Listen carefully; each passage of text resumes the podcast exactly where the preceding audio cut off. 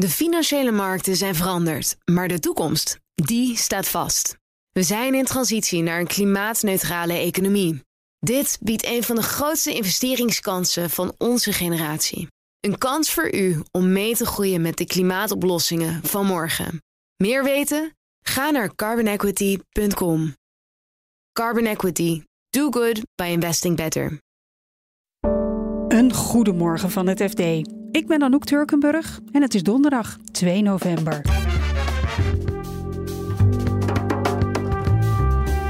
Na Qatar gaat nu Saoedi-Arabië het WK organiseren.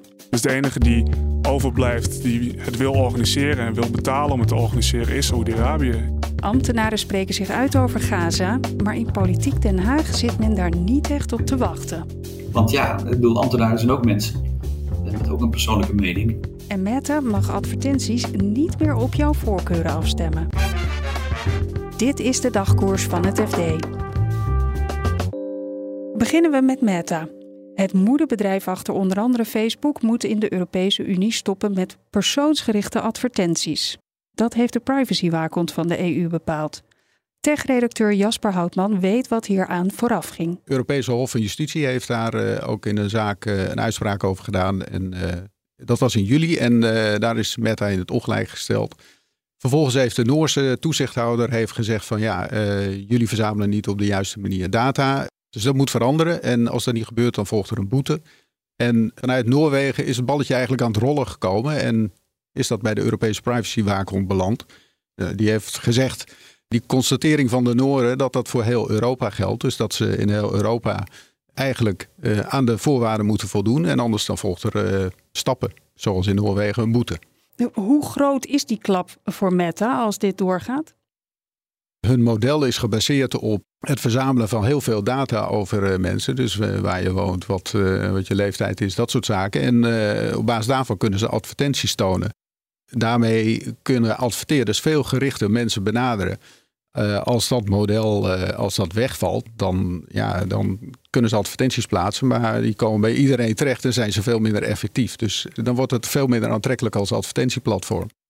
Ik kan me dus voorstellen dat Meta hier uh, uiteraard niet, niet blij mee is. Nee, ze zijn verbolgen over deze beslissing. maar ook omdat zij met andere voorstellen kwamen om te veranderen. En die zijn eigenlijk nog in, in, in bespreking. Maar voorlopig staat er dus een deadline. Ja, ze moeten over twee weken voldoen aan uh, wat de Europese privacywaakhond uh, van ze vraagt. En ja, dat is stoppen met die manier van dataverzameling. En anders komen er nieuwe stappen.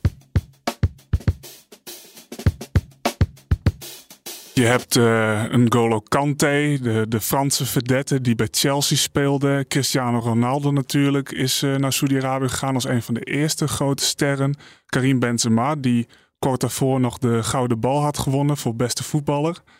Um, ja, dat zijn toch wel grote namen die naar Saudi-Arabië toe gaan. Zoals je redacteur Albert Wagenaar al hoort vertellen, zijn er heel wat voetballers het afgelopen jaar naar Saudi-Arabië gegaan.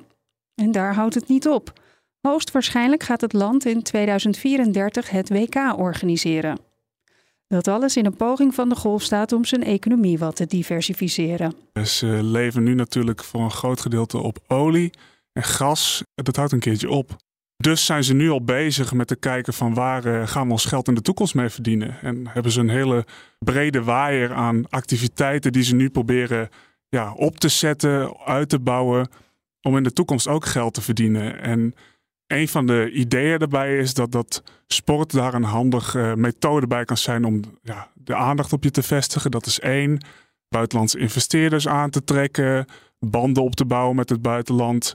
Ja, en ja, iedereen vindt voetbal leuk, dus dan, dan helpt dat wel. En zeker ook voor andere sporten.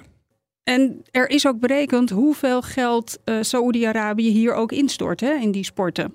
Ja, ja, zeker.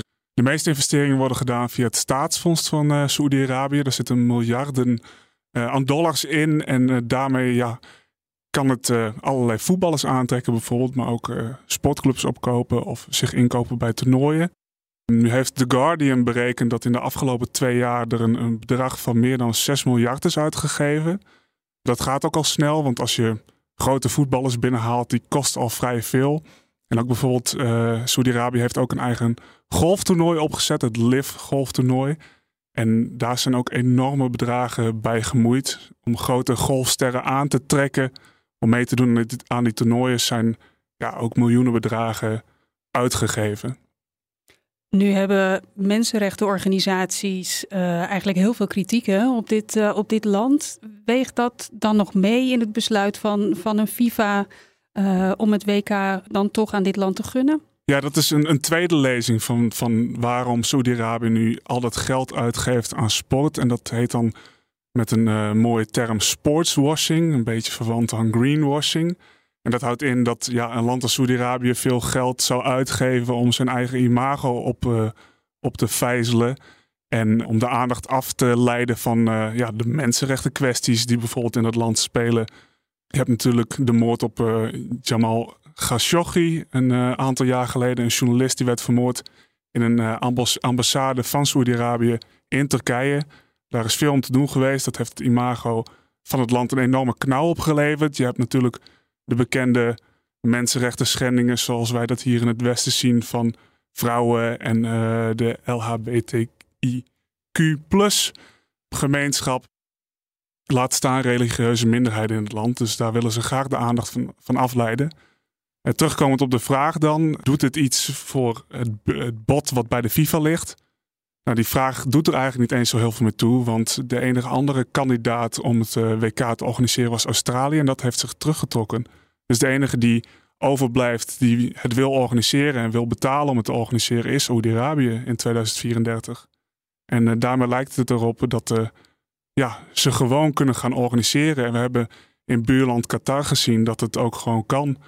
Daar is ook uh, bij hele hete temperaturen gekozen om dan maar in de winter daar te voetballen in verkoelde stadions. Dus waarom zou het niet kunnen in Saudi-Arabië, zullen ze wel denken. Het conflict in Gaza heeft ook voor onrust op de ministeries in Den Haag gezorgd. Rijksambtenaren schreven een brief waarin ze aangaven het oneens te zijn met het regeringsstandpunt. Algemeen verslaggever Rob de Lange zag hoe de oorlog de Haagse torens bereikte. Vanaf uh, vorige week hebben we dat zien gebeuren. En dat, uh, dat kwam omdat er een aantal brieven verschenen, oftewel petities. Een petitie was uh, zeg maar rijksbreed, dus onder, ondertekend door een aantal rijksambtenaren. En die eigenlijk ja, protesteerden tegen de opstelling van het Nederlands kabinet in zaken hun houding in het conflict in het Midden-Oosten. Vonden dus eigenlijk dat de Nederlandse regering veel meer afstand moest nemen van de Israëlische invasie, om het kortweg te zeggen. Dat was één petitie en toen kwam er ook nog een, een tweede van een groep ambtenaren van het ministerie van Buitenlandse Zaken.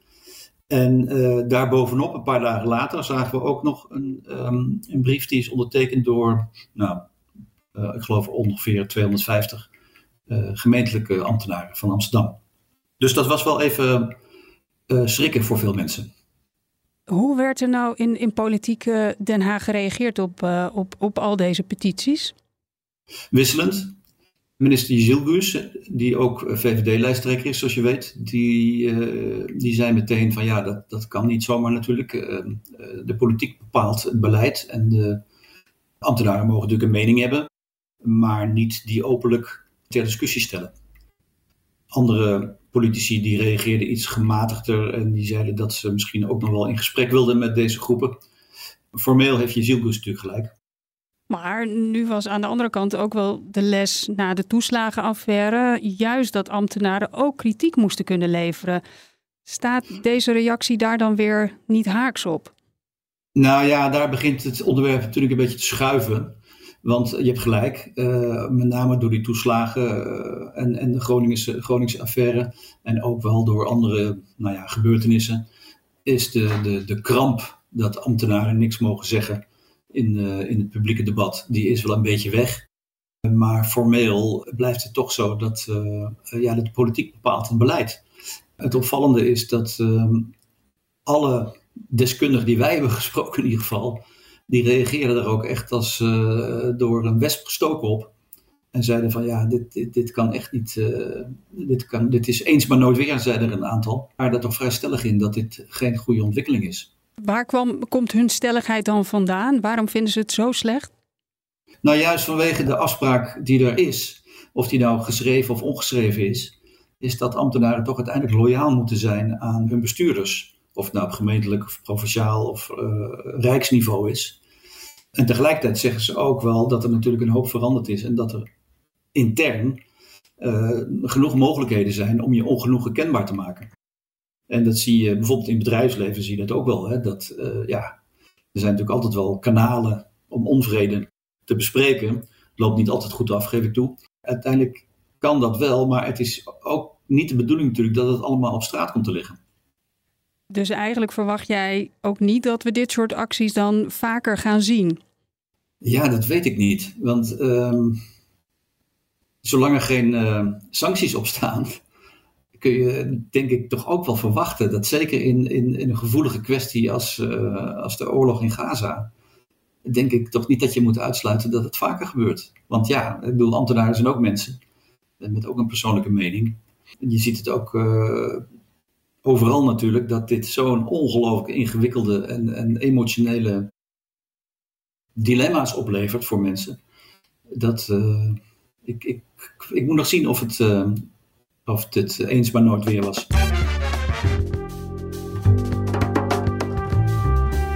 Dit was de dagkoers van het FD. Al het laatste financieel-economische nieuws vind je in onze app en op onze site. Wij staan morgen weer voor je klaar. Wil je niks missen? Abonneer je dan op Dagkoers.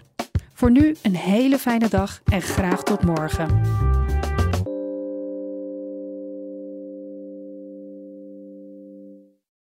De financiële markten zijn veranderd, maar de toekomst, die staat vast. We zijn in transitie naar een klimaatneutrale economie. Dit biedt een van de grootste investeringskansen van onze generatie. Een kans voor u om mee te groeien met de pioniers van morgen. Meer weten? Ga naar carbonequity.com. Carbon Equity. Do good by investing better.